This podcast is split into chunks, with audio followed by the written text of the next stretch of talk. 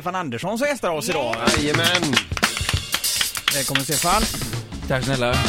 Följde du Melodifestivalen någonting? Nej. Ingenting? Eh, nej. Såg du inte en, en enda deltävling? Jo, jag såg eh, delar av första deltävlingen för min, eh, min kollega Magnus Moffa Törnqvist var med där i kören. Eh, och det ville man ju se. så då såg jag, han var med Jo- Joakim eh, Kans Kans, där, ja, ja. precis. Och stod lite, men han, han syntes inte så mycket i bild så jag blev besviken och så stängde jag av det. Och så bojkottade du hela eventet. hela eventet. Ja. Eh, Och Mo- Moffa, din gamla kompis, han är, han är ju din före detta gamla förebild, kan man säga det? Way back in time. Ja, oh ja, oh ja, det var min hjälte under många år tills jag genomskådade hela skiten där. Nej, men det, han var alltså stjärnan på Tynneredsskolan redan i eh, fjärde klass. Som gitarrvirtuos. Ja. Alltså Hej. flickorna grät, jag, jag lovar, de grät när han sitter den lille skvätten där med sin stora gitarr och sjunger eh, Love Me Tender med Elvis. Då hade jag ingen chans med min fiol. Så han var min, eh, han var min stora förebild. Började du din bana med fiolen alltså? Ja. ja vad kommer det sig? Det kom sig av att eh, jag fick frågan av en bekant som såg mig sitta vid köksbordet och trumma till någon radiolåt. Som tyckte att jag hade takten i alla fall då, så han frågade om jag ville börja spela fiol och så småningom så fick jag göra det också. Mm.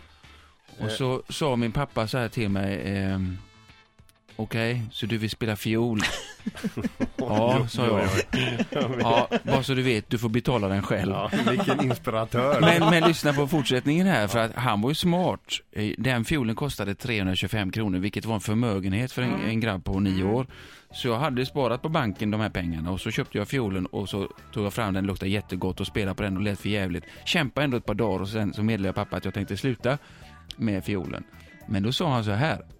Ah, men du, vi gör så här. Du får 25 kronor för varje låt som du lär dig. Det var ju jättemycket pengar, 25 kronor. Så jag övade och så, så, här, så kunde jag en låt och sen kunde jag en till och sen gick det bara farten och så efter det så kunde jag spela fiol. Ja. Så han hade en tanke med det att jag skulle betala min egen fiol. Jag var inte curlad. Nej, nej, nej. Nej, nej. det var eh, Men, begåvat. men alltså, om, om någon stoppar en, en, en fiol i, eh, i händerna på dig idag, kan du, kan du fortfarande spela någonting? Nej, det är Nej. inte samma sak riktigt. För Jag tänker så här, barn som är i förstadiet, alltså när de börjar att lära sig spela fiol och ganska långt därefter. Det låter ju verkligen som att man plågar ett instrument. Man plågar instrumentet, man plågar sig själv, omgivningen. Alla tar stryk av det instrumentet. Man ska inte spela det. Det finns en fördel med fiol. Det är just det att det är så enormt svårt.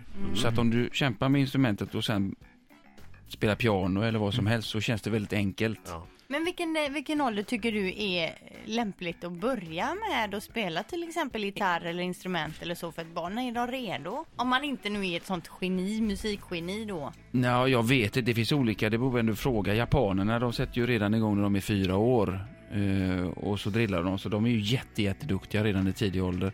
Men, men jag har aldrig... Jag har spelat eh, av lust. Alltså jag har inte haft lust så har inte spelat. Och, och det är, så tycker jag väl också. Så hanterar jag min egen son som därmed inte spelar något instrument. men det måste komma av lust. Ett poddtips från Podplay. I fallen jag aldrig glömmer djupdyker Hasse Aro i arbetet bakom några av Sveriges mest uppseendeväckande brottsutredningar. Går vi in med hemlig telefonavlyssning och, och då upplever vi att vi får en total förändring av hans beteende. Vad är det som händer nu? Vem är det som läcker? Och så säger han att jag är kriminell, jag har varit kriminell i hela mitt liv men att mörda ett barn, där går min gräns. Nya säsongen av Fallen jag aldrig glömmer på Podplay.